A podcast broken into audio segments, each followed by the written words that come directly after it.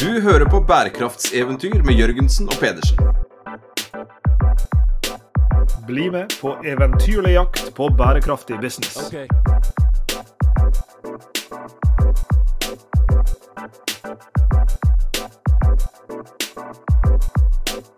I denne spesialepisoden av Bærekraftseventyr, Sveinung, som er produsert i samarbeid med klimafestivalen Varmere, våtere, villere, så sitter vi fortsatt på Kulturhuset i Bergen på dag tre av festivalen. Folk er kanskje i ferd med å våkne, men eh, i lys av lukta som møtte meg på vei inn, så kanskje ikke. Eh, Men en som heldigvis er våkna og allerede er til stede i vårt mobile studio, det er Thea Gregersen, som er i avslutningsfasen av sitt doktorgradsarbeid ved Institutt for samfunnspsykologi og i tilknytning til Senter for klima- og energiomstilling på Universitetet i Bergen. Og vi gleder oss til en samtale med Thea eh, om eh, holdninger til og oppfatninger om klimaproblemet eh, på tvers av generasjoner. Velkommen til oss, Thea. Jo, takk. Våken er kanskje å overdrive. Det ble tre glass vin i går, så det Lars Jakob blir alltid så glad når vi kan henge litt med, med psykologer. For det, jo, det pleier å være Lars Jakobs jobb å være sånn, du sier, 30% stilling som psykolog for meg. Så, så når, han, når, han, fant en psykolog på programmet her, så var han kjapp til å kalle deg inn. Så, så du, du, har en liten jobb å gjøre nå. Altså. En, no, noe helt annet eh, som jeg lurer på sånn personlig. For når jeg ser på, ser på, alderen min og skal krysse av på diverse skjemaer, så begynner jeg å nærme meg 50. Eh, hva slags alderssegment er jeg i da? Hva slags type generasjon er jeg i da? Oi, wow, det må du nesten google, tror jeg. jeg har faktisk ikke helt uh, oversikt over liksom, ja, hva nøyaktig er disse ulike generasjonene. Nei. Men uh, ja, hvite menn som pusher 50 er vel kanskje Guilty by charge. de som er noen av de som kanskje er mest skeptiske til klima, ofte og minst interessert i å gjøre noe. Man har andre, andre fokus, sånn som å ja, tjene penger. Men aller først så må jeg kanskje avklare det at dere kaller meg psykolog, og det får dere faktisk ikke lov til. For det får ikke jeg lov til heller. Jeg er ikke klinisk psykolog. Jeg jobber ikke klinisk, jeg er samfunns... Jeg har ikke lov å kalle meg samfunnspsykolog engang. Jeg har en, en, en bachelor- og mastergrad i arbeidsorganisasjonspsykologi, Ja, faktisk. Eh, og så tar jeg nå da en doktorgrad i klimapsykologi. Men det var fryktelig hyggelig at du kunne komme. Men når du ikke kan hjelpe Lars Jakob, så tror jeg vi bare må sette en strek her. Men den, den, det er jo en annen diskusjon enn det vi skal ta nå. Bra du presiserer det. Men jeg har jo fulgt med på denne diskusjonen fra sidelinjen inn med Geir Kaufmann, som har stått på barrikadene. Vår å si, jeg skulle ikke si gamle professor, men han var jo professor for oss da vi var si, yngre. Og tok organisasjonspsykologi som en del av vår sånn, økonomiutdanning. Og har fulgt med fra sidelinjen på denne bruken av dette begrepet, så jeg burde vært eh, mer presis der, altså. Men du har altså eh, nå gjennomført en, en doktorgrad, for du er så nær målstreken nå at, eh, at vi må begynne å snakke om slutten på den. Men kan du ta oss tilbake igjen til spørsmålene som du har lurt på i din forskning? For noe av samtalen her vil jo eh, dreie seg om denne forskninga. Vi skal jo komme inn i det som du har vært her på festivalen for å snakke om, nemlig forskjellen på boomers og Gen X og Gen Y og alle disse generasjonene. Men hva er det som er- har drevet dine forskningsspørsmål? Hva slags interesse og hva slags ting er det du har lurt på? For å se på det litt sånn bredt, da, så er det jo egentlig holdninger til klimaendringene i befolkningen. Så den generelle befolkningen, helt vanlige folk, hva tenker og føler vi rundt det med klimaendringene? Og det har kanskje blitt, som veldig mye annet, blitt forsket eh, aller mest på i USA. Og så er det jo ikke nødvendigvis sånn, og det kan vi jo si når vi kommer tilbake til dette med aldersgrupper etterpå, så kommer jeg jo til å si noe sånt som at eh, ut ifra når du er født, så kan du ha litt ulikt referansegrunnlag. Og det gjelder jo også hvor du er født, ikke sant. Så det er ikke nødvendigvis sånn som dere vet at man kan ta forskning fra USA eller New Zealand og bare plassere det i Europa og i Norge. Så mitt fokus har vært klimaholdninger i Europa. Eh, Så del én er å se på hvordan eh, eh, tanker om hvorvidt klimaendringene er menneskeskapt og vil ha alvorlige konsekvenser, hvordan det henger sammen med bekymring. Del to er hvordan bekymring henger sammen med atferd, og hvordan liksom sånn mestringsforventning kan påvirke det. Og del tre er å gå litt dypere inn i dette med hva er det egentlig folk tror kommer til å skje, f.eks. her i Norge med konsekvenser. da. Så generelt klimaholdninger. Og så jobber jeg jo også med Norsk medborgerpanel. Det er litt en sånn sideting. Det er ikke de dataene jeg bruker i doktorgradsarbeidet mitt. Men det er jo helt supert å få mulighet til tre ganger i året samle inn data fra et representativt utvalg av den norske befolkningen på hva de tenker og, og føler og vil med, med klimasaken. Eh, så når jeg holder på med kommunikasjonsarbeid, så er det ofte norsk medborgerpanel og ikke doktoradmin i seg selv som jeg, som jeg bruker. Her skal du få lov til å, å bruke de nær sagt kildene du, du ønsker. og jeg jeg har lyst til å begynne med et lite spørsmål som er ikke en omvei, men en, en, vei inn i det her. Og det er jo sånn, Å ta en doktorgrad og det, det, det tar gjerne en tre-fire år av, av hvor en tar den, under hvilke forutsetninger. Eh, og bare i en sånn periode så, så er det typisk slik at, at uh, spørsmål av denne typen kan jo endre seg. Og vi, vi ser det jo vi som jobber med, med bedrifter f.eks., hvor, hvor oppfatningene av også viljen til å, å ta klimarelaterte og mer generelt bærekraftsrelaterte problemstillinger på alvor, det, det er jo en bevegelig mål på et vis. Uh, kan du innledningsvis si noe om i, i de årene du har jobba med dette, ser du en stor grad av endring? Nei. I Norsk medborgerpanel så har vi jo målt Eh, klimaholdninger fra siden 2013. Nå har jo ikke jeg vært med siden det, men jeg har jo data eh, siden det. Og om vi ser på sånne helt generelle klimaholdninger som i hvilken grad tror folk at klimaendringene er menneskeskapt, og hvor bekymret er de, eh, så ser vi egentlig veldig lite endring i sånne generelle klimaholdninger siden 2013. Man eh, holder på de holdningene man har, og det er jo litt relevant til dette med ja, generasjonsforskjeller og sånn, som vi skal komme tilbake til senere. Men det det nok har skjedd en større endring i, er jo helt sånn konkrete holdninger til spesifikk klimapolitikk. Eller hvordan tenker vi oss at eh, Hva kan vi gjøre på arbeidsplassen, hva kan vi ikke gjøre?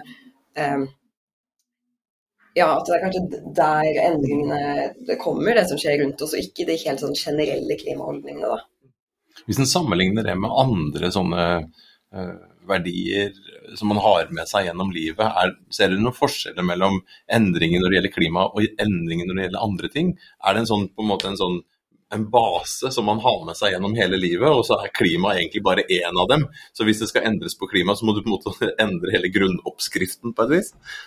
Kanskje litt vanskelig å svare direkte på det, men jeg kan kanskje bruke et eksempel som jeg brukte under samtalen her eh, som vi hadde på onsdag. da, eh, Hvor man eh, tenker seg OK, eh, når du og de som er eldre enn deg vokste opp, så så verden ganske annerledes ut. Eh, F.eks. så var det jo sånn at det kanskje ikke var så mye fokus på klima, det var mer fokus på dette med miljøvern og vern av vassdrag. Og det er jo mange i de eldre generasjonene som er fortsatt veldig opptatt av det. Det er jo ikke sånn at de går og kaster plastikk i naturen, liksom. Det, den sitter jo ganske eh, tydelig. Og nå i senere tid, de som vokser opp nå, har mye mer fokus kanskje på dette med dette med klima. Og om vi ser for oss hvordan det har vært i media, så er de som er eldre, når de først møtte på eh, dette med klimasaken, da, så var det jo sånn at media presenterte eh, spørsmålet om hvorvidt klimaendringene var menneskeskapte eller ikke, så hadde de kanskje én klimaforsker, så hadde de én klimafornekter. Og så virket det som om dette var en sånn balansert debatt. Og da er det jo ikke så rart at de som er eldre, eh, kanskje er tenker at det er litt usikkert da, hvorvidt klimaendringene er menneskeskapt. Også når man først har formet den holdningen, da, så er det jo mye vanskeligere da, å endre holdninger enn det er å få liksom, riktig holdning med en gang. Og et eksempel, nå er vi tilbake til det, som jeg brukte, eh, det er det at man kan jo da spørre seg ja, men nå har jo de som er eldre eh, tilgang på akkurat den samme informasjonen, så hvorfor oppdaterer de ikke bare de holdningene da? Men om vi da ser på andre saker, som egentlig er det du spør om, da, så vet vi jo at de eldre pleier å skille seg ut på litt andre måter også. F.eks. så er det jo ikke så eh, ukjent det med at man har en kanskje bestemor som er litt rasist. eh, en bestefar som er litt sexistisk, eh, kanskje. Og, og, litt homofob også. Det, man har jo kanskje ikke, det er den man har minst lyst til å komme ut til, er, er vel kanskje de som er eldre. Eh, og, da, og, da, unnskylder vi jo det. Da sier vi at ja, det er sånn verden så ut når de mm. vokste opp. Mm. og eh, ja, De må jo få til å beholde det er, det er komplisert for de å forstå at verden er annerledes nå. Mm. Og sånn som jeg sa da i den samtalen, at om du godtar at bestemoren din er rasist, så får du nesten godta at bestemoren din er klimaskeptiker også. eh, og de gode nyhetene er nå at det går jo heldigvis ikke rundt masse klimaskeptiske rasister i 70-årene. Eh, fordi eh, det er jo noe som skjer som eh, noen sånne store periodeeffekter som treffer alle på tvers av alder og generasjoner. Ja. Som gjør at alle liksom jekker både klimaholdningene sine og holdninger til rasisme og homofobi. Alle liksom jekker det litt opp og blir litt mer åpen kanskje når, når det får fokus. eh, sånn som f.eks. i media i politikken. Men eh, man begynner jo fra en baseline, Mm. så selv om man blir litt bedre, så er det kanskje fortsatt en forskjell på ung og gammel. At man er litt mer konservativ, kanskje.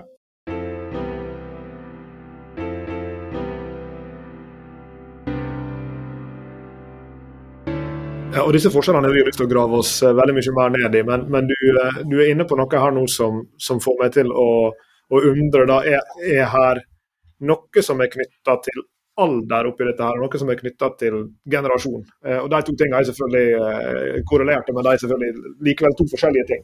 Ja, og, det vil jeg jo gjerne si noe om. Eh, For når vi forsker på klimaholdninger, så inkluderer vi liksom alltid alder som en variabel, fordi vi har sett at det har en effekt. Og det er to grunner til at vi tenker at dette med alder kan ha en effekt. For det første så sier jo alderen din om noe om hvor du er i livet. Og vi skjønner jo det at man kan ha ulike eh, prioriteringer og eh, eh, erfaringer, eh, avhengig av om man er kanskje tenåring, med alt det innebærer av hormoner og eh, kjærester og venner og ting som skjer i livet, kontra det å være i 30-årene, kanskje ha stifta familie, kontra det å være pensjonist. ikke sant? Eh, Det er jo til og med liksom biologiske forskjeller i hjernen, spesielt når du går fra tenåring til, til ung voksen. Da. Så da tenker man jo at ja, da kan det jo hende at holdningene forandrer seg litt ut ifra ja, de erfaringene f.eks. du får. Så det er én grunn. Den andre måten vi tenker at alder kan ha noe å si på, er jo at alder sier også noe om eh, når du er født. Det henger jo ganske tett sammen. Fødselsår og alder. Eh, og så er du da gjerne født eh, omtrent samtidig som veldig mange andre mennesker, som du deler noen opplevelser og erfaringer med. Og så vet vi at vi kanskje er aller mest sånn formbare når vi er unge, og da møter vi jo på en del eh, spørsmål for første gang om å ta stilling til det. Eh, og da har det jo noe å si hvordan verden ser ut da. Og de i den kohorten du er født sammen med, da har du kanskje hatt eh, ja, minimum da, samme læreplan på skolen. Men media har jo sett ganske like ut, den økonomiske situasjonen har sett ganske like ut, den politiske situasjonen. Og så tenker man at hele den kohorten da får litt lignende holdninger, og at man da eh, egentlig beholder de gjennom livet. Og eh, en veldig Konklusjonen er jo i forskningen da, at det, det ser ut som generasjon har mye å si, men alder har jo selvfølgelig også noe å si på, på prioriteringene. Men grunnen til at det er viktig eh, å skille mellom disse to, det er jo at det sier jo veldig mye om hva vi kan forvente i fremtiden. For om det er sånn at eh, det er generasjon som har den største effekten, og som er det som er viktig her, så kan vi jo bare vente på at eh, de eldre generasjonene dør ut, ikke sant. Og så eh, har vi en helt annen klimapolitikk og helt andre typer utslipp, ikke sant. Men om det er alder som er det som har noe å si, så kan man jo tenke seg at de som går i klimaprotester i dag, så fort de blir 30, så blir de mer interessert i helt andre ting. Og når de kommer inn på Stortinget, så, så bryr de seg plutselig om at de vil kjøre bil likevel, ikke sant. Eh, så den gode nyheten er at det ser jo ut som det eh, handler om generasjon også, da, og i stor grad. Du sa det var mye av den forskningen som hadde skjedd i USA, og så høres det ut som du får mer og mer data og, og kunnskap om hva som skjer her i Norge. Ser dere noen store forskjeller mellom eh, disse landene i, i dataene og menneskene? Når det kommer til eh, sånne ting som klimaskepsis, så vet man jo at eh, det er en veldig stor eh, effekt av politisk orientering i USA, som man ikke nødvendigvis finner andre steder. Eh, og når det kommer til dette med alder og politisk orientering, en ting man finner i USA, det er at eh, Typisk er jo republikanerne en del mer skeptiske til klimaendringene enn en demokratene, ikke sant. Mens eh, de yngre republikanerne ser ut til å liksom close the gap litt der. At de eh, følger mer med egentlig demokratene. Og de unge tror at klimaendringene eh, er menneskeskapt, uavhengig av politisk orientering. Eh, så innad i liksom, de republikanske velgerne så blir det eh, veldig eh, polarisert med at de unge er oppdaterte, og de eldre holder på de holdningene de alltid har hatt. Mm. Mens eh, blant demokratene så er på en måte alle enige om at klimaendringene er menneskeskapt likevel. Eh, og den samme ekstreme effekten av politisk orientering ser vi nok ikke noe særlig i andre land, men den er faktisk større i Norge, eh, enn en del andre europeiske land igjen. Vi ligner jo litt på USA på, på noen områder, og vi eh, grupperes ofte sammen med engelskspråklige land og har liksom litt den samme tendensen. da. Så det var én forskjell. Mm -hmm. Jeg er litt nysgjerrig på disse generasjonene som, som du var inne på. Eh, for det er klart at, at uh, Jeg liker veldig og kjøper veldig den, den måte redegjørelsen du gir for, for hvorfor en generasjon blir, blir like av disse påvirkningene som, som en lever gjennom sammen. Og så vet en selvfølgelig at innenfor enhver gruppe, så, så, vil det selvfølgelig også være store forskjeller. På samme måte som vi har en eh, vi, vi kan ha eldre familiemedlemmer som, eh, som er en touch uh, rasistiske, homofobe, sexistiske, så er de fleste også en, en, et eldre familiemedlem som kan være veldig radikal, som kan være veldig liberal. Og, og, Det som jeg er litt nysgjerrig på, det er innenfor disse generasjonene. og Da tenker jeg både på, på boomerne og på millennials, for å ta to ytterpunkter. Hvor stor er variasjonen av altså, som kan følge av kulturer, subkulturer og kulturelle strømninger liksom innad i disse generasjonene. Er det forskjeller i hvor stort spennet er på et vis, og hvor stor spredninga er i, i, ulike typer holdninger og oppfatninger innad i hver av disse generasjonene? Ja, det er jo kjempestore forskjeller. Og vi vet jo det med kanskje den eldste generasjonen. Vi har jo besteforeldrenes klimaaksjon, ikke sant. De eh, er jo på ingen måte klimaskeptikere. Eh, og også blant eh, unge så er det jo ikke sånn at alle som er født etter 1990 er superopptatt av klima. og Det igjen er jo én eh, liten gruppe. Men jeg tror ikke jeg kan svare på om forskjellen er større innad i en eller en annen. Det, ja, det er jeg usikker på, men jeg syns du tar fram et godt poeng. At det er to ting vi må få fram. At eh, de aller fleste i Norge, uavhengig av alder eller generasjon, er helt enige om at klimaendringene er menneskeskapt. Og de mener at vi burde gjøre noe, og er opptatt av ja, og, og, prøve å løse klimakrisen. Da. Så vi skal jo ikke eh, overdrive disse forskjellene heller, og at det er veldig stor eh, variasjon innad i en gruppe.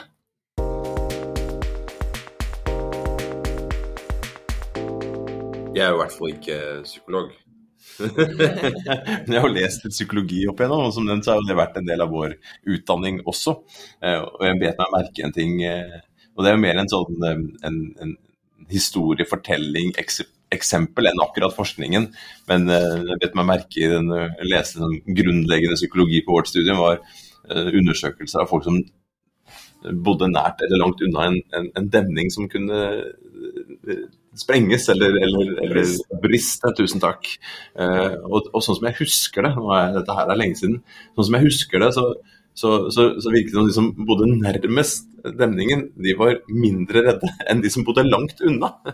Og Jeg vet ikke hvorfor, eller om det har noen relevans her, for her virker det litt motsatt. på en måte. Når man, når man er ung i dag og man får effekten av klima eh, kan ramme dem mer enn den eldre, så virker det som det er liksom snudd uh, opp ned. Har du noen tanker eller liksom forskning noen tanker om liksom hvordan, vi, hvordan, vi, hvordan vi forholder oss til bekymring? Ja, det, jeg tenkte, Da kan jeg jo egentlig trekke fram det at når jeg eh, forberedte meg til denne samtalen, så prøvde jeg å finne litt mer sånn spesifikke hypoteser på hvorfor det er generasjonsforskjeller mm. eller aldersforskjeller. da. Og en av de tingene som kom opp da, det var eh, egentlig en mer sånn økonomisk investeringshypotese. Som gikk på det at eh, de eldre er, eh, liksom bryr seg mindre om klimasaken fordi de eh, Eh, skal dø snart. så om de gjør nå eh, masse innsats for at vi skal få en bedre fremtid, så får jo ikke de vært en del av den fremtiden uansett, og da er de ikke så interessert i det. Da er det mer interessant å bruke den gjenværende tiden man har til å fly til Spania, ikke sant. Eh, så man er ikke interessert i å gjøre den investeringa. Og samtidig så vet man at man slipper å leve med de aller verste konsekvensene av klimaendringene. Så da er man mindre interessert. Mens eh, når man er ung, så vet vi jo at vi må jo leve nå med veldig mye av konsekvensene. Eh, så det var den mer økonomiske mm. delen av det. Og, og, da går det også inn på det kanskje om du har barn eller ikke. At om du da har fått barn, så kan du igjen føle at du skal investere mer i fremtiden. Og den mer sånn økonomiske hypotesen er jo ganske lignende det vi kaller psykologisk distanse da, eh, i psykologien. Hvor det går ut på at man tenker at om det er noe som oppleves fjernt, og det kan være fjernt i eh, tid, sånn som klimaeffektene. Det kan være fjernt sosialt, at man tenker at eh, de negative konsekvensene kommer til å påvirke folk som er veldig forskjellige fra meg selv. Det kan være fjernt i sted, altså man tenker at ja, det er vel mest noen stillehavsøyer mm. som, som, dette kommer til å påvirke. Eller det kan være fjernt egentlig sånn hypotetisk, at man vet liksom ikke. Og om man føler at klimaendringene på en eller annen måte er fjerne, så er man mindre bekymret og mindre opptatt av det. Eh, og det ser vi også når vi stiller spørsmål spesifikt om én, i hvilken grad mener du at klimaendringene er en generell trussel sant, for verden som helhet, så sier jo alle ja, det er jo. Men når vi spør i hvilken grad man føler at klimaendringene er en personlig trussel, så ser man jo ganske store forskjeller mellom ulike aldersgrupper. For de som er født da etter 1990, sånn som meg, eh, føler jo i større grad at klimaendringen også er en personlig trussel. Og det er jo sant, ikke sant. Vi, vi, vi må jo faktisk leve mer med de, eh, med de konsekvensene. Og, så den uh, demningshypotesen, den, den, ja, vet jeg ikke helt hva jeg skal si. Jeg aner ikke, det er dumt meg å dra det opp. Jeg bare liksom, jeg hadde det der bildet, og for meg så har det alltid vært litt sånn OK, du bor nærme noe som kan skje, og så bare fornekter du det på et vis. Altså, en rasjonalisering vil jeg tenke at det var. altså at For å kunne fortsette å bo der, og du er kanskje låst inn i å bo der, altså du har investert i en bolig der, så vil jeg tenke at, at da ville den naturlige responsen eh, være kanskje å, å, finne rasjonalisering for hvorfor det var mindre sannsynlig at dette skulle inntreffe, da, selv om du kanskje er veldig redd for det. Men jeg er litt interessert i dette med bekymringene her, eh, Thea. For jeg fant en, en uh, artikkel hvor du var intervjua på psykologisk.no, hvor du argumenterer for at bekymring er bra for klimaet. Uh, og, og, Nå kommer du inn på dette her også med at det er veldig få som blir motivert, er du, er du uh, sitert på her. Det er veldig få som blir motivert av den stereotypiske aktivistpersonen, med mindre de allerede er svært bekymra. Og jeg tenker jo på det her med dette voldsomme voldsomme sinnet som mange har, og kanskje spesielt eldre generasjon, mot Greta Thunberg. For altså, at det skulle gå an å bli, bli så sint på denne, på denne, unge jenta. Kan du si noe om den her, altså for Slik jeg tolker det lille sitatet, der, så er, er, det altså noe med mottakeligheten for informasjon på et vis da, som, som henger sammen med i hvor stor grad denne bekymringa lever i deg? Altså, det blir jo kanskje lett å bli litt defensiv da, om noen er veldig klare på at du lever på en måte som, eh, ja, som ikke passer seg. ikke sant? Så da istedenfor å, å ja, ta til seg at oi, her burde jeg oppdatere noe, så er det jo lett da å bare skygge helt unna. Eh, og da er det jo noe forskning som har gjort på det nettopp, at ja, hvordan, hvem blir man påvirket av når det kommer til klima? Og da er det jo typisk at de som allerede er veldig bekymret, de blir eh, påvirket ja, av disse aktivistene. Men om du skal få med deg de som Vi, vi bare på en måte driter litt i de som ikke tror klimaendringene de skjer eller ikke er menneskeskap, de kan bare holde på for seg selv. Men om man ser på den mer sånn typiske nordmannen, da kanskje, som ja, er litt bekymra for klimaet, men gjør kanskje ikke så mye med det, så er det nok mer effektivt at eh, de får presentert noe av en person de kan kjenne seg litt igjen i, da, som, som også sier sånn at ja, det er jo mange ting i verden å være bekymra for, og klima er jo en av de, og, mm. men, men, vi burde jo kanskje prøve litt, og her kommer noen konkrete forslag til hva vi burde gjøre. Istedenfor noen som på en måte står på barrikadene og, eh, og skriker. Og jeg tenker jo at jeg ser jo veldig opp til de som sånn som de som er med i protestene og Fridays for Future og Greta Thunberg. Og jeg føler jo at vi trenger jo virkelig de også. Men poenget er at vi trenger veldig mange ulike eh, forbilder når det kommer til å klare å løse klimasaken. Fordi ulike mennesker er mottakelige for ulik form for eh, informasjon. De har ulike forbilder, så vi må på en måte pushe fra mm. på alle måter. Da, og ikke tenke at one size fits all, for det vet vi at det ikke funker. Jeg må innrømme at jeg aner ikke om du er forberedt på dette her, så jeg, tar en liten sjanse nå. Det kan hende at vi må bare reflektere litt eh, rundt det sammen. Eh, jeg sitter der og tenker på liksom, er det viktig at alle er bekymra, eller er det viktig at de som har beslutningsmyndighet er bekymra? Eh, og vi møter jo det Lars Jakob, i, vårt virke. og Et av dine første spørsmål i dag eh, var jo om den der, har det vært en økende bekymring her. Og så svarer du med forskninga nei, det har det faktisk ikke vært. Men vi som jobber med mye med næringslivsledere, da, og over tid liksom kom inn på konferanser og skulle holde foredrag, så var det omtrent livvakter. Og så så vi et, hvor, hvor, er liksom, hvor er exit, eh, hvor er nødutgangene på scenen her, sånn at vi kan stikke av. Ikke overalt, men, men i, en, i, en, del settinger. Og så fort vi liksom sa B-ordet bærekraft, så satte folk liksom fram på stolen og nesten rakk rakk opp hånda før vi rakk å ja, holde en, en, en, forelesning på et etter- og videreutdanningsprogram, eh, f.eks. Eh, men over, over de siste årene så har vi jo opplevd at vi blir mye mer ønsket velkommen og etterspurt. eh, fordi at man, vi, vi opplever at det, det er mer sånn konsensus om at, at det er behov for noen endringer. Eh, og så må vi gjøre noe. Og så kommer de til oss og spør liksom, ja, hvordan skal vi gjøre da? Hvordan skal vi endre vår, vårt energiselskap, eller vi som produserer leketøy, eller vi som låner ut penger, eller hva nå de enn driver med.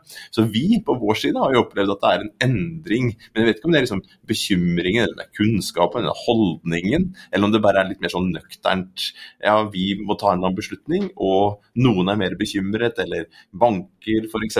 De er ikke så ivrige på å gi ut lån hvis det er høy klimarisiko i, i i det vi holder på med. Så det er mer sånn nøkternt må gjøre noe. Så jeg bare lurer litt på, derfor jeg, sånn, jeg varmer litt opp til, til, til, til spørsmålet. til, spørsmålet, liksom, Hvordan er det, hvordan eh, denne her, Hvor viktig er den generelle bekymringen for at vi skal endre politikk eller endre næringslivets uh, uh, atferd? da?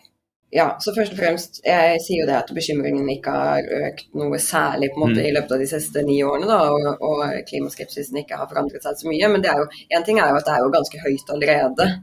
Uh, og jeg tror absolutt det at noe som har forandret seg veldig, er at vi fokuserer mer på klima, vi snakker mer om klima. At folk i større grad har blitt enige om at vi må gjøre noe med klima. Så det blir jo litt mm. andre, mm. ja, Eh, andre men, da skjønner jeg, da skjønner jeg. Ja, og da er jo spørsmålet litt egentlig trenger alle være bekymra. og da tenker jeg egentlig Eh, nei, det spørs liksom hvor moralistiske vi skal være. Tenker vi at det er veldig viktig at folk gjør klimavennlige valg pga. klima, fordi mm. de er opptatt av klima? Mm. Eller er det viktigste at folk egentlig bare gjør klimavennlige valg? Mm. Eh, og det vi vet nå, er at det er jo ikke sånn at Norge har blitt en stor liksom, elbilnasjon fordi alle er så utrolig bekymret for klima. Det handler jo liksom om at både det med eh, at de har vært ganske kule, eller mange er jo syns for det liksom, at Teslaen egentlig er ganske kule biler, og at man har mm. lyst til å være med på det. Og noe handler om det økonomiske, at man slipper liksom bompenger. Mm. Eh, så, så, jorda eller klimaet bryr seg jo ikke om vår intensjon, ikke sant. Eh, så det viktigste er jo nok at det er noen beslutningssakere som er bekymra og forstår at vi må gjøre noe, og så er flinke til å eh, gjøre det lett for folk å velge klimavennlig, og gi folk andre grunner til å velge klimavennlig. Så sånn som det, det har jo egentlig ikke noe å si om folk spiser mindre kjøtt fordi de er opptatt av klima, eller om de gjør det pga. helse, eller om de gjør det av økonomiske årsaker. Uh, det som, så det er kanskje et svar på det. Men det som kanskje kan være Altså, hvor varige er de endringene? Hvis man da ikke er på en måte indremotivert for å redde noe eller bekymret for noe, så kan vi kanskje ha en hypotese da om at, at de endringene kanskje vil være mer moteriktige. At jo, nå er det, nå det, det mote å være eh, vegetarianer en periode, eller nå er det viktig at, vi, at jeg at jeg legger ut eh, på Instagram at jeg kjører tog når jeg skal på reise og ikke på fly. Men, men hvis det ikke er en sånn grunnleggende bekymring, eller at man har forstått alvoret, eller at hvis, hvis den beveggrunnen ikke er der, så kan man jo kanskje ha en hypotese om at det, at det ikke blir like sterke endringer og like varige, kanskje. Ja, så der, der, kan man jo på en måte ha to håp der, da. Mm. Det ene er at om man eh, i en periode gjør noe ikke pga. klima, men av mm. andre årsaker, så kan det hende at man klarer å etablere det som en vane. Mm. At man ikke trenger å tenke så mye over hvorfor man gjør ting etter hvert. At man, om man da, sånn som jeg, når jeg flyttet til Bergen, så hadde jeg bil. Jeg bodde jo i Fredrikstad. Bodde et sted hvor det gikk eh, buss en gang i timen. Så når jeg, med en gang jeg var 18 år, så tok jeg lappen, og så fikk jeg bil. Kjørte bilen over til Bergen. På et tidspunkt så eh, måtte den skrotes. Jeg fikk beskjed om at du burde egentlig ikke kjøre denne bilen ut av dette verkstedet engang. Eh, og da hadde jeg jo ikke råd til å kjøpe en ny bil. Dette var en sånn gammel eh, drittbil Fiat Doblo med symaskinmotor. ikke sant? Jeg kunne jo ikke kjøpe noe annet, jeg var student. Så da ble det jo Da fikk jeg jo ikke ha bil, da. Og da var jo egentlig det en at jeg tenkte at jeg skulle eh, kjøpe bil så fort jeg hadde fått en jobb. Og da skjedde det to ting. Jeg begynte å ta buss rundt omkring i Bergen og tenkte dette funker kjempebra. I storbyene så er det jo lettere. Det er jo helt forferdelig å ha bil i Bergen. Mm. Det er jo helt grusomt. Det går jo ikke. Det er jo helt håpløst. Så da fant jeg ut at dette funker ganske bra. Og det andre som skjedde, var jo at jeg begynte å forske. Jeg begynte å jobbe på Senter for klima- og energiomstilling. Da frister det liksom ikke like mye å kjøpe bil. at det er, det er, ikke da du er kul, da. Mine kollegaer har jo sånne transportsykler ikke sant, som er like dyre som en bil. Eh, så da, da, har du jo noe å si om hva, hva føler jeg nå er kult. Eh, og nå jeg er så glad for at jeg har bil. Og jeg, hver gang jeg bruker masse penger på f.eks. å spise på restaurant, så unnskylder jeg det med at har ikke bil, sparer 80 000 i året. Her er det bare å kjøre på med vinsmaking og eh, Så jeg tror nok at én ting er at bare om du får prøvd noe, så kan det hende at ikke det var så ille som det du får for deg. Eh, det andre jeg ville si, det var at eh, noen ganger så Det vi vet da i psykologien, er at alle er jo enige om at eh, eller Det høres jo veldig sannsynlig ut at når man har noen holdninger, f.eks. holdning om at vi burde gjøre noe med klimaet, så henger det sammen med atferden vår. ikke sant? Så du har klimavennlige holdninger, det gjør at du kanskje har klimavennlig atferd. Men det vi jo også vet, det er jo sånn helt grunnleggende førsteårs eh, fag i psykologi, snakker vi om at det er også sånn at atferd kan påvirke holdninger. Så hva du gjør, kan påvirke eh, hva du eh, synes og, og mener. Så det kan vi også håpe på, at om vi får folk til å kjøre elbil, eller får folk til å installere eh, solceller på taket sitt, så plutselig så er de ikke så klimaskeptiske likevel. For det var ganske stas med de der solcellene. Og det kan egentlig kanskje være med å, å forklare denne demningtingen din og litt mm. lignende, da. Mm. Eh, denne kognitiv dissonans-hypotesen mm. med OK, nå føler jeg at jeg, jeg gjør én ting som ikke stemmer overens med det jeg egentlig mener. Så si nå flytter jeg ved siden av en demning, men så mener jeg egentlig at det kan være farlig. Da har du to valg. Mm. Enten så kan du jo endre det du gjør, så da må du jo flytte da, og det kan jo være ganske stress. Mm. Og så får du kanskje dårlig pris for boligen din om du skal selge den ved demningen. Eller så kan du endre holdningene dine og tenke kanskje ikke så farlig å bo ved denne demningen likevel.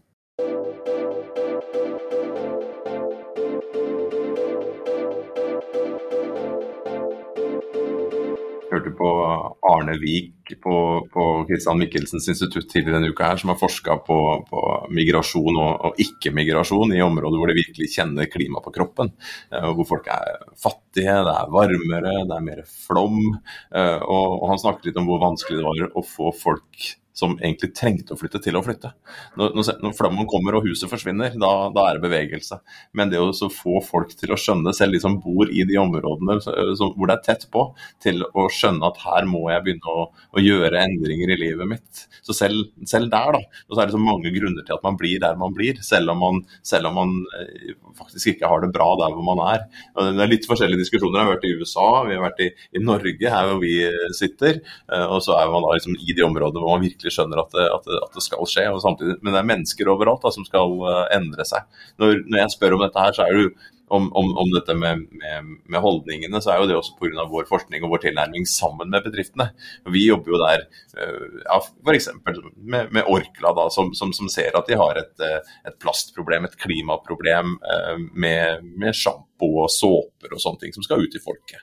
Og Våre studier viser jo at, folk er ikke så veldig gira på grønn såpe. Altså sånn i utgangspunktet, De, de stoler ikke akkurat på når, når, du virkelig skal ha vekk en flekk eller åpne et, uh, åpne et sluk. så er det liksom ikke sånn, du, du, går ikke og leter etter de organiske grønne produktene. Du har lyst til å få opp det forbanna sluket, og du har lyst til å bli rein. Altså, så det, det, er forskjellig på, på, produkter. Men det vi prøver Lars Jakob, ofte er jo sånn som sier ok, greit, det er veldig få som vil leve sånn strengt vegansk, ha transportsykkel, selge bilen, gjøre de grepene som Anja var her og, og, og fortalte om med klimaregnskapet. Og så det å gå da fra disse 11 tonnene som, som vi ligger på gjennomsnittlig, og prøve å komme seg ned på 2,3 tonn i året, det var noen enorme knebøyøvelser som skulle til uh, for, å, for, å, få det til. Og så er vi nysgjerrige da, fra liksom, bedriftenes ståsted. Ja, gitt at det ikke er så lett å få til disse endringene, hvordan kan vi gjøre det bekvemmelig? Hvordan kan vi gjøre det lett da, til å gå fra, fra, fra diesel til elbil, eller fra, fra å, å, bruke engangsbeholdere på, på såpe, uh, til å få såpe levert på, på, døra i en beholder som kan gjenbrukes. Altså sånn type grep som kanskje ikke folk ville gjort. Um, av en, en, motivasjon for å redde verden, men noe som kan være bra for, for klimaet, men også som kan være enkelt å gjennomføre i praksis. Så Det er jo spennende å høre på dine refleksjoner rundt, rundt dette her eh, ja, bekymring kontra det å få til endringer allikevel. Ja, om jeg kan plukke opp den. Mm -hmm. eh, for vi, vi, skulle jo egentlig snakke litt om eh, Vi går jo litt på siden om dette med dette med generasjoner også, ikke sant. Og da hadde jeg lyst til å nevne det at eh, vi ser jo ganske tydelige forskjeller mellom aldersgrupper når det kommer til sånne generelle ting som bekymring for klimaendringene og klimaskepsis. Eh, det vi ikke nødvendigvis ser like Og intensjoner, ikke sant. De unge har, vil gjerne gjøre mer for klimaet, men når vi kommer til de faktiske eh, handlingene de gjør. ikke sant? Det med hvor mye flyr man, mm. hvor mye kjøtt spiser man egentlig, hvor mye klær kjøper man, så er det ikke nødvendigvis alltid sånn at de unge er bedre. Eh, og det jeg tror er en grunn til det, det handler om igjen hvordan så verden ut når vi vokste opp, ikke sant. Eh, så når jeg vokste opp på 90-tallet, eh, født i 1991 så ble jeg tatt med til Syden for første gang jeg var seks-syv år gammel, på et fly. Det var vel enten Kroatia eller Hellas. Eh, da begynte jo også liksom, kjøtt å bli ganske billig, så man gikk jo kanskje opp og hadde kjøtt til middag litt, eh, litt oftere. Eh, henne som er så bikkbokk og sånn, de hadde jo veldig billige klær som gjorde at vi kunne kjøpe oss mye nytt, og strømprisene begynte å bli ganske billige. Så det var jo liksom forventet at man dusjet hver dag. Selv om mamma prøvde å liksom lære meg å vaske meg med klut, så ble det jo Det var jo ikke akseptert. Eh, så det jeg tror er at når vi nå har blitt voksne, så klapper vi oss selv på skuldra og tror egentlig at vi flyr ganske lite når vi kun flyr to ganger i året, ikke sant? Eller vi kjøper ganske lite klær når vi bare bruker 500 eller 1000 kroner om måneden på, på nye klær. Eller vi syns genuint at vi spiser lite kjøtt, da. Om vi spiser fisk én gang i uka og vegetar to ganger i uka. Da er vi flinke til det. Eh, så når det kommer til hvordan skal vi få ned utslippene i fremtiden, for det hjelper jo ikke så mye at vi er en nasjon av kjempebekymrede klimaaktivister om ikke vi får ned utslippene. Det er jo det eneste som betyr noe, er jo egentlig å få ned utslippene. Eh, så da tenker jeg at det handler om hvordan kan vi få de generasjonene som følger etter oss, til å ha litt andre forventninger da, til hva eh, hvor ofte kan man fly? Kan man kanskje dra på interrail isteden? Kan det være kult? Hvilke produkter er det som er tilgjengelig for dem? Eh, hvor mye klær er det normalt å kjøpe? At istedenfor Det er vanskelig å endre folk, det vet vi jo, eh, både innenfor økonomisk forskning og psykologisk forskning. Eh, så hva med å prøve da å begynne fra start, da? Og få de som kommer etter oss til å ha litt annet syn på hva som er normalt, og hva som er kult, og hva som er greit å gjøre. Når du sa Thea, til at uh, vi flyr to ganger i året, så gjemte jeg iPhonen min bak uh, mikrofonen, her, sånn at du ikke skulle få tak i SAS-appen min. For den uh, kan få hvem som helst til å sparke meg i fjeset. men det var jo en ting som fikk SAS-appen min til å ligge litt mer i, i ro, og det var noe som heter koronapandemien. og en krise den kan jo være du, du, brukte ordet når vi kan starte på nytt. En krise den kan jo være en mulighet til å i en viss forstand restarte. da. I hvert fall kan en krise være en mulighet til å gjøre betydelige endringer. Og, og Hvis vi skal ta et eksempel på en endring som jeg tror den pandemien har medført allerede, så er det en, en, digitalisering som, som plutselig ble, ble, akselerert, og som har gjort at vi endra praksis på veldig mange ting. Alt fra at vi kanskje slutta å fly til Oslo for et to timers møte, eh, til at vi, vi har funnet ut at, eh, at, det er en del eh, type aktivitet som enkelt kan løses og koordineres digitalt uten at folk er nødt til å forflytte seg, eksempelvis. Um, jeg skulle jo kanskje tenke også da at fra et klimaperspektiv at denne koronaen kunne, kunne ha noen effekter på, på, både hvordan vi så på, på klima og hvordan vi agerte med hensyn til, til den. Eh, og Du kan jo kanskje svare både på om det gjelder generelt i de dataene dere har sett på, og også om det er forskjeller mellom disse generasjonene du har vært inne Ja, vi, vi, håpet jo litt på det, da. og jeg føler at i begynnelsen av pandemien så tror jeg det var en del håp rundt det at ja, dette kan hjelpe oss å bryte ut av vanene liksom, og kanskje etablere noen bedre, eh, nye og bedre vaner. Og Vi stilte spørsmål i Norsk medborgerpanel om hvorvidt folk selv da mente at koronapandemien kan ha gitt oss noen erfaringer som gjør det lettere å, å, løse klimaproblemet. Og da var det faktisk en del som sa ja til det, og spesielt unge som sa ja til det. Men det jeg lurer på nå, da, er hva de føler at vi må kanskje stille det spørsmålet igjen. Fordi med en gang det begynte å åpnes litt opp i høst f.eks., så bestilte jo folk flyturer som aldri før. Og så det får vi jo ha forståelse for, da, at er, det er jo ikke det som er holdt jeg på å si undergang. Dumt uh, kanskje. Uh, og å ta den ene flyturen etter en pandemi, uh, det handler jo om hva vi gjør på lang sikt her. men når vi da spurte folk om hvorvidt de tenker å redusere antall flyreiser de tar nå når pandemien er over, så svarer jo de fleste at de tenker jo kanskje å gjøre litt sånn som før, da. og en av grunnene til det er at ikke de ser egentlig det, den ene flyreisen de tar, eller de fem eller ti eller 15 de tar, som så veldig viktig. i, i å redusere klimaendringene, til tross for at forskning viser at som enkeltindivid og vi rike mennesker i Norge det er jo en veldig stor del av fottrykket vårt, så det er jo en veldig urettferdig adferd, utslippsatferd, egentlig. Så det, er en del ting vi ikke har lyst til å, å gi slipp på, og som jeg tror nok kan det, ja, ser ikke ut som det har hjulpet så veldig mye med den pandemien på klimautslippene nå, på kort sikt i hvert fall. Jeg nevnte jo Anja Bakken Riise her og den boka 'Mitt klimaregnskap'. og Jeg spurte henne i en, en, tidligere podkastepisode som gjest han spurte om det, om det, er litt sånn min kamp i dette, altså mitt klimaregnskap. Eh, og, og, det å høre henne fortelle og lese den boka og se på hva som må til, da. Eh, som hun sa, ca. 11, 11 11 tonn, hvis det blir riktig, per person, som, som bør ned til 2,5 tonn innen 2030, og så skal den mot null i 2050. Og det forsøket da, å gjøre grepene, de grepene i livet sitt, eh, flyreiser, kjøtt, mat, eh, valget mellom drikke, skal jeg drikke en halvliter melk, en halvliter øl, skal jeg ha det i en pappkopp, skal jeg ha kaffe, oppvarming av denne. Altså Når vi virkelig begynte å, å, å, legge til gram for gram for gram for gram, da, og se hva det hun kunne påvirke og ikke påvirke, og, og hvor mye som lå av dette her i det å bare bo i Norge og ha den infrastrukturen eh, felles. Så er det, det er tydelig at det, fra denne holdningen til handlingen, da, så er det ganske stort. Jeg skjønner jo at det er en Når hun sitter her fra fremtiden i våre hender og har, gjort dette her sjøl, og sier at dette her Hun kan faktisk ikke fortsette å leve sånn, sånn som hun gjorde da, fordi at det var et såpass eh, stort løft.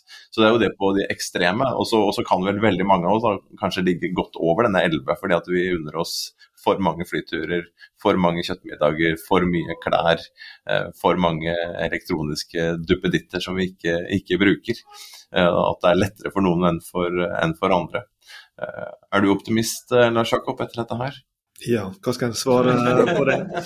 Nei, så det er klart at Jeg, jeg synes jo at det som, som, kommer veldig godt fram i, i samtalen med deg, det er jo den her altså hvor ikke fastlåst, men, men hvor, hvor, mye som skal til for å rykke oss ut. da. Eh, og, og, kanskje hvis vi kan avslutte med et, et, siste tema, for jeg hadde lyst til å spørre deg eh, Vi så en video eh, med deg på, på, på nettet før eh, denne samtalen hvor du introduserer et, eh, et begrep eh, som en kaller for 'finite pool of worry'. Altså det at vi har en en, eh, en, en, mengde bekymring som vi kan allokere. Da. Og da sitter vi her i eh, mars 2022 når dette blir spilt inn. og I, i skrivende stund så har ikke klimaet eh, fått det noe bedre. En ny IPCC-rapport som nylig viste oss at ting ser enda verre ut enn kanskje enn vi, enn vi trodde. Det raser en krig i, i, Ukraina. Pandemien er jo ikke over, og vi vet ikke hva, hvor den vil bevege seg videre. Og her finnes en hel del andre ting å bekymre seg for også er det slik at med en verden med stadig mer konflikt og stadig mer eh, trøbbel og store problemer som henger over oss, at eh, det paradoksalt nok burde gjøre oss mer pessimistiske, fordi at folk rett og slett ikke klarer å håndtere alle disse bekymringene på samme tid. Nå har det faktisk kommet en del forskning eh, i det siste som ser på dette med final polar worry og eh, eh, ja, klimaholdninger i løpet av pandemien. Og da ser det faktisk ut som selv om det kan være liksom små variasjoner og innenfor ulike aldersgrupper, i det store og det hele så har faktisk ikke folk blitt mindre bekymra for klimaendringene i løpet av pandemien. Og nå i høst eh, så nådde jo klimabekymringen liksom en all time high i mange land. Eh, så, så, jeg vet ikke helt hva vi skal si om denne Final Collaborate. Det ser ut som folk forstår at det, vi må også bekymre oss for klima. Så men, men, vi har vel på en måte en sånn finite pool av eh, prioriteringer, da. Så når du skal gå og velge, så må du jo da ha noen harde prioriteringer på hva skal være viktigst for å få min stemme nå. Eh, så det kan vi ikke stikke under en stol. Men så må vi også huske på det at det er jo en del av de store problemene vi, eh, vi møter på nå, som også henger sammen med klima. Klima er jo eh, ikke en isolert sak, ikke sant. Så eh, det, det, går nok an å bekymre seg både for klima og eh, rettferdighet i verden og tilgang på mat og utdanning og alle de tingene, fordi det ofte henger sammen på en måte. Um, og så tenker jeg det at ja, fordi det, vi må ha ulike prioriteringer. Noen bryr seg om skolepolitikk, ikke sant? andre bryr seg om eldrebølge. Eh, og det kommer vi jo til å fortsette å gjøre, for det er jo ting som er mye mer direkte på hverdagen vår, da, så er det viktig, tenker jeg, at egentlig alle partier nå er jo Det er jo ikke sånn at eh, den politiske eh, polariseringen på klimaholdninger i Norge er jo ikke så ekstrem som i USA. og Det er jo ikke sånn at de som stemmer Høyre, eller de som er i Høyre eller Frp, eh, ikke tror på klimaendringene lenger. Det, det, er jo ikke det det handler om. Så jeg tror det er viktig at klimaendringene, det må vi bare gjøre noe med. Det gjelder alle, det gjelder hele verden. Det er vi jo egentlig enige om. Så at alle partiene må ha en sånn baseline om mm. at det, dette må vi dra sammen. Mm. Dette, vi må, må, slutte å diskutere hvorvidt vi skal gjøre noe. Alle er enige om at vi skal gjøre noe. Og så kan vi bygge de andre sånn småsakene, mer personlige mm. sakene oppå det. da. Mm. Eh, at vi må bare gjøre det. Og det har jo egentlig politikerne fått til i andre saker før. At man blir enige om at nå, nå får vi Dette gjør vi bare, og så får vi krangle om andre ting. Ja, for én ting er å være å forstå at det er et problem. En annen ting er å finne de løsningene og, og, på dem. Og, og, der vil det vel være forskjeller mellom eh, folk med politisk, ulike politiske ståsted på, på, hva man tenker er løsningen. Akkurat som man tenker at eh, eldrebølgen er et problem, den skal løses. Eller Eh, velferdssektoren eller hva nå det enn er, så har man jo ulike ideologiske tilnærminger til hvordan det skal løses. Men, men det høres jo ut her som om den, den, den, den, generelle kunnskapen og ideen om det, å akseptere det, at den begynner å, å, feste seg. Du har jo en, en fantastisk genser på deg her eh, som, som Fredrikstad, og å si Fredrikstad-væring, hvor det står 'ille, ille bra'. Eh, jeg lurer på, på tampen her, ille bra i Fredrikstad. Brukes det om bare ting som er bra, eller brukes det sånn ille bra? Altså, man, er, brukes det litt sånn, eh, eh, sånn, som et sånn generelt uttrykk? Nå var det plutselig liksom dialektforskning, dialekthistorie her. Nei, ille bra er jo også liksom slagordet for lokalaviser. Ja. Fredrikstad Blad. Så jeg har vel egentlig brukt det. Nå, vi blir jo vannet ut med disse dialektene våre, så min generasjon er sitter ikke så dypt i det. Men uh, ille bra er vel egentlig veldig bra, da, som regel. Og, og, i den, i den eh, settinga vi nå snakker om, er ille bra. Vil, vil det gå bra? det er kanskje det jeg leter etter. Et, et, et spørsmål i ille bra-sektoren, har jeg sagt veldig bra kommer det ikke til å gå. Og, og, det vet vi at uansett hva vi gjør nå, så kommer vi til å se mer og mer konsekvenser av klimaendringene. Det kommer vi ikke unna uansett om vi kutter til null. Så, eh, men det kan jo gå bedre enn det kunne ha gått. Det trenger jo ikke å være worst case scenario. Alt hver minste lille ting vi kan hjelpe litt på, må vi jo bare gjøre. Eh, hver, ja, hver eh, lille del av en grad vil jo ha noe å si. Så det er jo absolutt verdt å fortsette å kjempe. Det vil jeg si. Thea, tusen takk for at du var med oss på besøk i bærekrafts- og dialekteventyr med Jørgensen og Pedersen. Du har hørt på Bærekraftseventyr med Jørgensen og Pedersen.